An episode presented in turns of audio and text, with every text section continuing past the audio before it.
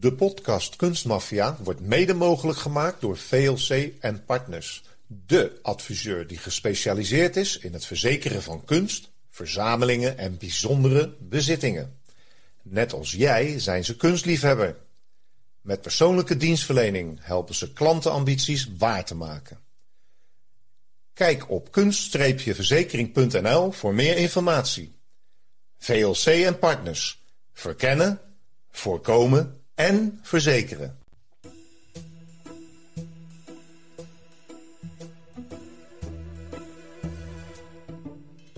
Eind 19e eeuw ontdekte amateur-archeoloog Heinrich Schliemann tegen alle verwachtingen in het legendarische Troje aan de westkust van Turkije. Een paar jaar later haalt hij nogmaals het wereldnieuws als hij een eeuwenoude goud- en zilverschat uit de bronstijd opgraaft. Dat is het begin van een 150 jaar lange controverse over het eigendomsrecht van de schat van Priamos. Roofkunst dat betwist en geclaimd wordt door Turkije, Griekenland, Duitsland en Rusland. Dit is Kunstmafia, een podcast over roof, vervalsing en zwendel in de internationale kunst- en antiekwereld door Rick Bouwman en Robert Tettero. Deze keer in Kunstmafia zaak 25. Legendarische Trojaanse roofkunst. Ja, Robert, ik weet niet waar we in terecht gekomen zijn, maar we gaan nu nog verder terug. Nou ja, als je wil gaan we wel 25 even terug, geloof ik. Maar laten we maar beginnen even in het begin van de 19e eeuw. Daar is denk ik eh, het eerste verhaal wel over te vertellen. Want Heinrich Schliemann is een Duitse zakenman en een amateur-archeoloog... die eigenlijk van jongs af aan was hij gefascineerd door de wereld van de Griekse mythologie. En als, als kind luisterde hij aandachtig naar de verhalen van Homerus... en droomde hij ervan de verloren stad Troje te vinden. Mooie gedachte, hè? Supermooi. Uh, ik moet zeggen dat ik daar ook veel aan gedacht heb aan Troje in de, in de tijd dat ik op school zat met geschiedenis. Ja, ik dacht een beetje aan Atlantis altijd, maar ja, het is nog niet gevonden geloof ik. Nog niet gevonden, maar Troje, we gaan, het, uh, we gaan het ontdekken. Terwijl de meeste mensen de verhalen over Ajax en Odysseus afdeden als legenden, geloofde deze Sliman dat de overgeleverde verhalen op historische feiten berusten. Ja, dus in 1870, gewapend met de Ilias van de klassieke dichter eh, Homerus onder zijn arm, begint hij zijn zoektocht naar Troje. De beschrijvingen van het landschap, zijn vasthoudendheid en intuïtie leiden hem naar een plaats, Hisarlik, een ruïne aan de westkust van Turkije. Hij is ervan overtuigd dat hij de legendarische stad gevonden heeft. Maar uh, Rick, wat was dat verhaal van Troje ook alweer?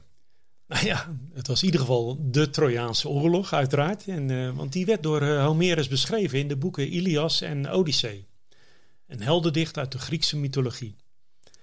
En er was een uh, Trojaanse prins die ontvoerde een Helena, de knapste vrouw van Sparta. Ja, dat is een linker plek om iemand weg te halen, toch? Dat moest je niet doen in die tijd. En om haar terug te halen verzamelde namelijk Helena's man al zijn bondgenoten. En dat waren er nogal wat, want er waren al de Griekse stadstaten. En hij verzamelde die bondgenoten om uh, Troje aan te vallen. Jaren van strijd volgden. En zoals de onoverwinnelijke Achilles, die de Trojaanse held Hector doodt en rond de stad sleept met zijn strijdwagen. Uh, ik weet niet, heb je de film gezien, Troy? Troy, ja. Snijdt hij met dat springt en dan steekt hij dat zwaard in zijn nek, volgens mij. Hè? Ja, dat ging op uh, niet al te fatsoenlijke wijze. Tot Achilles zelf dodelijk gewond raakte door een pijl in zijn hiel. En nou komen we toch op iets terecht waar ik eigenlijk nog nooit aan gedacht had. Oh nee? De Achilleshiel. En nou, uh, ik had hem nooit uh, te pakken zo. Het verhaal uh, gaat als volgt. Rick kan ik dan gelijk zeggen. Ik weet even niet de naam van zijn moeder. Maar als hij geboren is, Achilles, dan doopt zij hem in een poel. En daarmee wordt hij onsterfelijk. Dus alles wat hem raakt, bommen, pijlen, speren, zwaarden, dat dringt niet door zijn huid door. Behalve waar zijn moeder hem heeft beetgehouden. De Achilleshiel. Ja, precies. Zo gaat het verhaal, hè? Nou ja, goed. Na tien jaar strijd en belegering konden de Grieken Troje niet veroveren vanwege de onneembare stadsmuren. Het is tijd voor een list. De Grieken varen weg en laten een groot houten paard als geschenk achter voor de Trojanen. Kijk, en daar is het paard. Ja, dat verhaal ken je Wie natuurlijk. dat niet hè? weet, Ja, die heeft echt een stuk geschiedenis gemist. Dus die Trojanen die denken, we hebben gewonnen. En die trekken de buit, dat is een soort gift, naar binnen toe in de stad. En vieren feest tot diep in de nacht, worden dronken. Nou ja, en dan weet je wel wat er gebeurt natuurlijk. In de nacht klimmen de Griekse soldaten uit het holle paard, die zich daarin ja, verscholen hebben gehouden. Openen de poorten voor hun teruggekeerde leger en veroveren de stad alsnog. Ja, en dan komen we weer terug bij eh Sliman, onze archeoloog. Want die begint te graven in de ruïnes. En tegen alle verwachting in vindt hij bewijzen dat dit Troje is. Op een diepte van 15 meter stuit hij op een metalen voorwerp en alles wijst op een belangrijke vondst. Sliman geeft zijn arbeiders vrij af onder het voorwendsel dat het zijn verjaardag is. En waarom doet hij dat? Hij wil natuurlijk graag alleen zijn, omdat hij iets ontdekt heeft. En hij graaft dan ook alleen verder. Hij vindt een enorme verzameling van ongeveer 8000 aardewerken, bronzen, zilveren en gouden voorwerpen, sieraden en wapens. Ja, dat doet me een beetje denken aan dat graf van Tutankhamon. Hè? Dat je ineens zoiets vindt van, nou ja, in je eentje zit je daar in die woestijn. Nou goed, oké. Volgens het verslag van Sliman verborg hij de meeste waardevolle artefacten in de sjaal van zijn vrouw Sophie. Zij kwam uit Griekenland, uit vrees voor diefstal van de arbeiders. Ja, betwijfel ik een beetje. Ik denk dat er nog wel een andere reden was. Hij is ervan overtuigd dat dit de schat was van koning Priamus de legendarische heerser van Troje ten tijde van de Trojaanse oorlog. Hij noemt zijn vondst dan ook de schat van Priamus. Homerus had het epos niet bedacht. Troje bestond echt. De ontdekking maakt de Duitse amateur-archeoloog wereldberoemd. Ja, en niet alleen wereldberoemd, maar Slimans ontdekkingen veranderden ook de manier waarop de wereld naar deze oude geschiedenis en archeologie ging kijken. Zijn werk toonde aan dat er een kern van waarheid schuilde in oude mythen en legenden. En vandaar ook dat er nog steeds mensen zoeken naar Atlantis. Ja, ik heb het net gezegd. Jij bent er een van, Robert. Ja, Eh, ik geloof er niet in, maar goed. nou, misschien dat we daar eens een andere podcast aan moeten wijden. Troje- Waar ligt Atlantis? En Troje bestond dus wel, dus eh, wellicht eh, heeft Atlantis ook bestaan.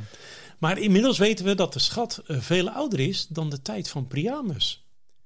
Ze dateren namelijk van circa 2500 voor Christus. En lagen dus al onder de voeten van de Achilles en Hector toen ze elkaar bestreden. Want ja, 2500 voor Christus was een veel lager gedeelte van Troje van, dan het latere Troje, waarin de strijd was tussen Achilles en Hector. Ja, volgens mij eh, ja, En Priamus. ongeveer ingeschat op 1500 voor Christus of zo. Dus er zit duizend jaar verschil tussen hè, met die schat. Maar goed, wel een, een goede marketing natuurlijk hè, van meneer Sliman. Sliman zegt de Turkse autoriteiten niets over zijn sensationele ontdekking. Dan zou hij de helft van alle vondsten moeten afstaan. Hij smokkelt de verzameling van gouden maskers, sieraden en andere waardevolle voorwerpen heimelijk uit het Ottomaanse Rijk. Hè? Dat was toen de tijd het Turkse Rijk, Ottomaanse Rijk. Dit is toch wel het moment waarop de schat als roofkunst bestempeld kan worden. Denk je niet? Zeker, ja. Eigenlijk neemt hij het mee zonder eh, iets te zeggen. Nou ja, in die tijd redelijk eh, gebruikelijk. Vooral bij westerse archeologen. En hij brengt de schat naar Griekenland. Waar zijn vrouw Sophia vandaan komt. En maakt zijn vondst openbaar. Ja, maar dan toch in de Athene krijgt hij ook eh, wat problemen. Want eh, hij wil daar zelf een eh, museum oprichten. Maar hij raakt daardoor in conflict met de autoriteiten. En daarnaast de Ottomaanse staat, waar je het net over had, die klaagt hem aan en begint een rechtszaak tegen Sliman wegens illegale uitvoeren van deze oudheden. En de Sliman wordt veroordeeld tot een boete van 10.000 goudfranken. Maar hij betaalt zelfs 50.000 goudfranken als gebaar van goedwil. Maar de schat geeft hij niet terug. Ja, misschien handig om heel kort te zeggen dat hij was wel miljonair. Hè? Uiterst succesvolle zakenman geweest eh, in zijn, nou ja, noem het vorige leven. Eh, met de verkoop eh, ja, tussen New York, Europa en Moskou in die tijd. Het geld zat. Ja, nou goed, maar hij neemt dus die volledige collectie neemt hij dus mee. En die neemt hij zelfs mee naar Londen voor een tentoonstelling. En daarna biedt hij de schat te vergeefs te koop aan aan het Louvre in Parijs en de Hermitage in Sint-Petersburg. Ja, hij liep er echt een beetje mee te koop. Nou ja, niemand heeft het gekocht. Ik denk dat het te duur was. Uh, dus in 1881 schenkt hij de complete schat, en dan quote ik hem, aan het Duitse volk voor eeuwig bezit en onverdeelde opslag in de keizerlijke hoofdstad. Berlijn natuurlijk. Als voorwaarde eist Schliemann dat zijn naam in gouden letters zal worden gebeiteld boven de ingang van de Trojaanse vleugel in het Archeologisch Museum van Berlijn. En de schat van Priamus geldt dan als de meest waardevolle antieke kunstcollectie van Duitsland. Een halve eeuw ligt de schat te pronken in het museum, maar als de Tweede Wereldoorlog nadert, we gaan er weer naartoe, Rick, en er bombardementen op Berlijn dreigen, moeten de nationale collecties in veiligheid worden gebracht. Ja, en dan komt een nieuwe naam tevoorschijn. Een Wilhelm Unverzaakt. Want eh, dat was een vooraanstaand archeoloog en museumdirecteur. En hij brengt met zijn team, net als in Nederland, al voor de oorlog zijn belangrijkste collecties in veiligheid. Het verloopt nogal chaotisch, want de schat van Priamus wordt net als andere kunst in categorieën opgedeeld. Daar hadden we het eerder al een keer over. Je hebt unieke kunst, je hebt belangrijke kunst en je hebt vervangbare kunst. Dus ja, er is een bepaalde waarde wordt eraan gegeven. Maar daardoor komen de delen van de Trojaanse vondsten op verschillende plaatsen terecht. De gouden, de zilveren en bronzen juwelen en gebruiksvoorwerpen worden in kisten gepakt, verzegeld naar een bunker in de Berlijnse dierentuin gebracht. En wat is die bunker dan, Robert? Dat was zeker niet zomaar een bunker, want tussen de dierenkooien staat een vlaktoerm. Een bunker met opstellingen voor luchtafweergeschut, waarin de kisten met de kunst verborgen worden. Nou, ik heb dat even nagekeken, Rick. Die vlaktoerm, dat was veel groter.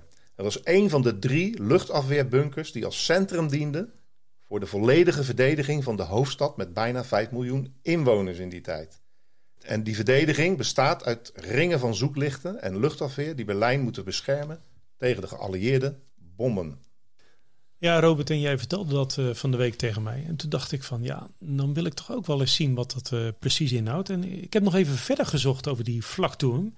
Maar dat is dus een gebouw van 13 verdiepingen hoog. Met een oppervlak zo groot als een heel huizenblok. En het herbergt barakken, een ziekenhuis en schuilkelders. Waarin 15.000 mensen zich kunnen huisvesten. Inclusief keukens, sanitair en slaapplaatsen. En ja, op de 35 meter hoge torens staat een geschut dat salvo's, granaten met liften aangevoerd van diep onder de grond kan afvuren eigenlijk meer een ja, modern fort. Met een commandocentrum van waar de laatste maanden van de oorlog, de Tweede Wereldoorlog, de verdediging van de hoofdstad geleid wordt. Ja, bizar hè? Ja, een fotootje gevonden en uh, dat zal ik ook plaatsen op Instagram uh, laten. En dan zie je eigenlijk gewoon een fort staan uh, ja, in die dierentuin. Dus dat kleine bunkertje, nee, het was wel wat anders dan dat. In een paar weken tijd wordt een hele verdieping in het fort als kunstdepot ingericht waarin het neusje van de zalm uit de Berlijnse musea een veilige plek vindt. Vanaf 1944 nemen de bombardementen op Berlijn in hevigheid toe. En de vlakbunker is een makkelijk doelwit, maar blijkt een soort van onverwoestbaar. De torens en de schatten blijven ongedeerd, maar de dieren in hun kooien rondom de vlakbunker worden door tientallen bommen getroffen. Ja, zielig eigenlijk, hè? Ja, en wie het dan toch overleeft is uh, weer die directeur, onverzaakt. Want hij neemt zelf ook zijn intrek in de bunker nadat zijn archeologisch museum in puin is geschoten en een kunsttransport van 400 gereedstaande kisten in brand was gevlogen. Vanuit het oosten, in Rusland, leidt Maarschalk Shukov meer dan een half miljoen Sovjet-troepen de Duitse hoofdstad in.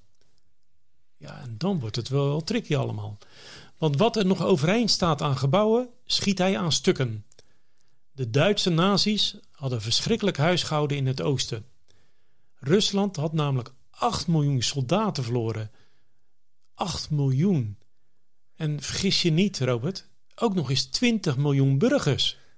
De Berlijners verwachten dan ook weinig genade. Ja, en dat lijkt me wel in die tijd vluchtte veel naar het westen natuurlijk. Hè? Maar die bleven wachten aan de Elbe. Die hadden min of meer afgesproken met de Russen. Van nou, Jullie pakken de hoofdstad. Dus Zhukov trekt op naar de vlakbunker van waar de Berlijnse verdediging wordt gecoördineerd.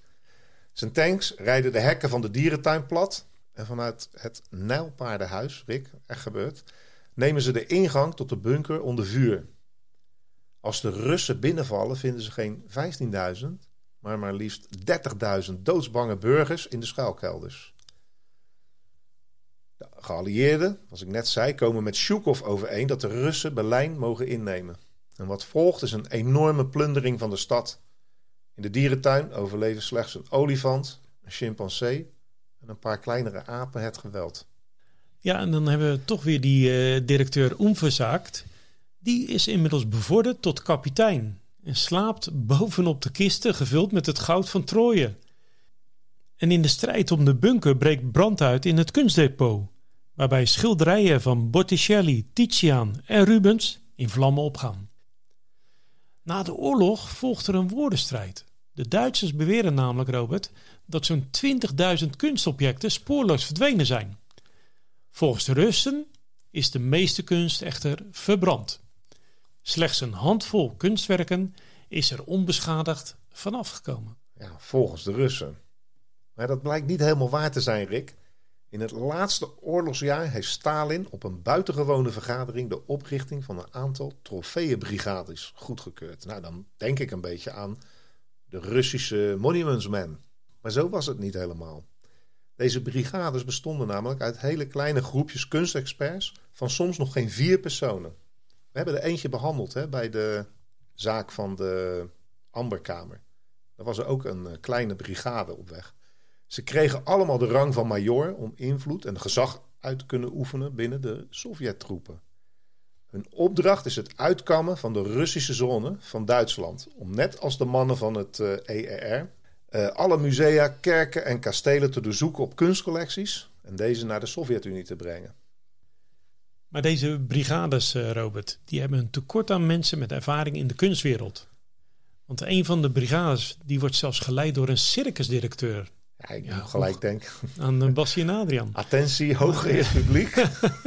Komen hier wat ja, ophalen. Ja, maar goed, een circusdirecteur dus die uh, leider is van uh, zo'n brigade, zo'n kunstbrigade. Ja, dat is toch wel bijzonder. Maar door corruptie komen er zelfs allerlei mensen bij die in de verste verte ook maar iets met kunst te maken hebben. Ze verzinnen het wel. Hoge officieren van het Rode Russische leger sturen wagons vol kleren, meubels en hele inventarissen van villa's en overheidsgebouwen mee naar huis. En treinen vol geplunderde goederen rijden nu in omgekeerde richting. Ja, we werden eigenlijk uh, teruggeroofd. Hè? Zo moeten we het maar zeggen. Vrijwel alle musea in de Russische zone verliezen zo het grootste deel van hun collectie. Friezen worden van de muren gehakt, uiterst zeldzame Griekse beelden en vazen worden afgevoerd. Onverzaakt vreest het meest voor het lot van de verzegelde kisten met de schat van Prianus.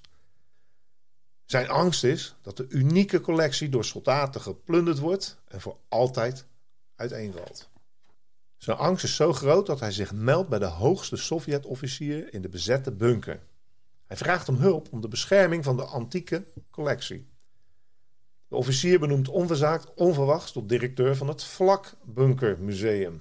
Nou, ik weet niet of dat zo letterlijk gegaan is, maar zo staat het in de boeken, Rick. Ja, dat is natuurlijk ook wel uh, heel bijzonder allemaal. Maar goed, daags na de val van Berlijn worden de verzegelde kisten geopend, geïnspecteerd, compleet bevonden en opnieuw verzegeld door de trofeebrigade. Een paar weken later ontdekt onverzaakt dat de kisten spoorloos verdwenen zijn. Hij hoopt dat ze door de brigade in veiligheid zijn gebracht. Maar hij twijfelt, want het is een komen en gaan van ongedisciplineerde soldaten van het Russische leger. Na de oorlog krijgt hij volop kritiek dat hij de belangrijkste schat van Duitsland heeft weggegeven. En als ontdekt wordt dat Onverzaakt ook nog eens lid was van de Nazi-partij, verliest hij ook nog eens zijn baan als museumdirecteur. Ja, en daarmee verdwijnt hij een beetje uit dit verhaal natuurlijk ook. Maar de schat wordt inmiddels, net als de barnstenen kamer, als verloren beschouwd.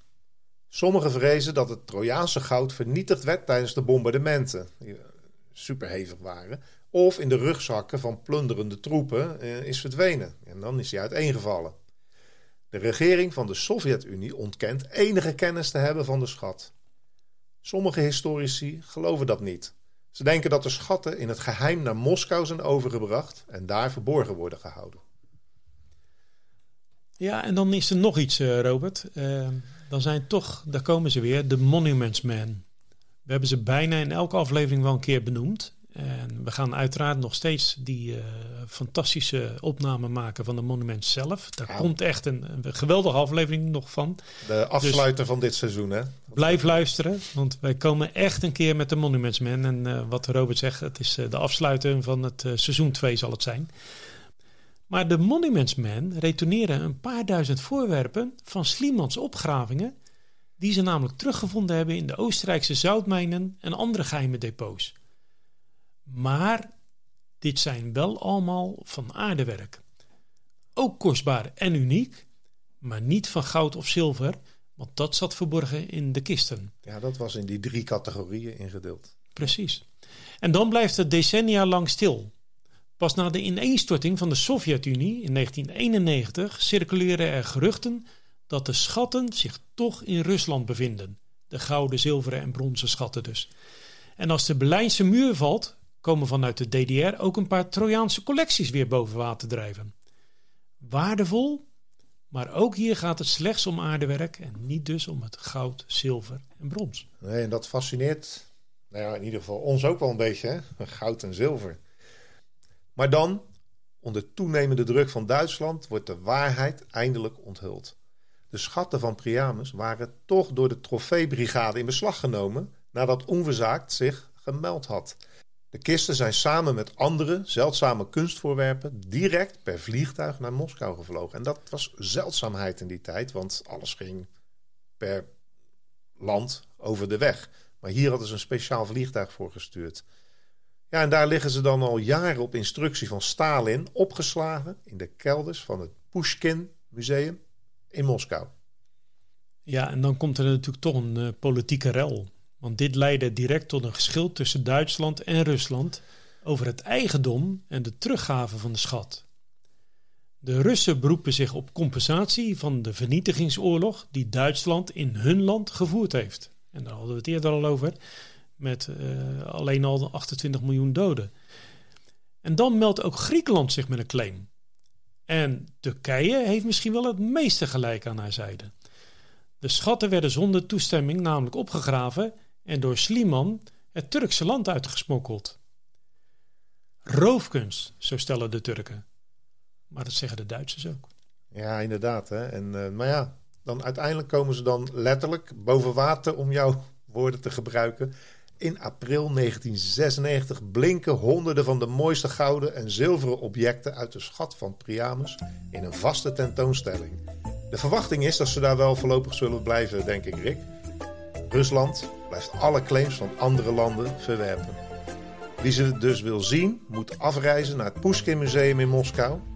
Kan daarnaast ook, ook bijzonder, schilderijen van Vincent van Gogh, Jan Steen, Rembrandt, Albert Cuyp en meer dan twintig andere Nederlandse kunstenaars bewonderen uit die tijd. Maar die hebben ze wel op een rechtvaardige manier gekregen.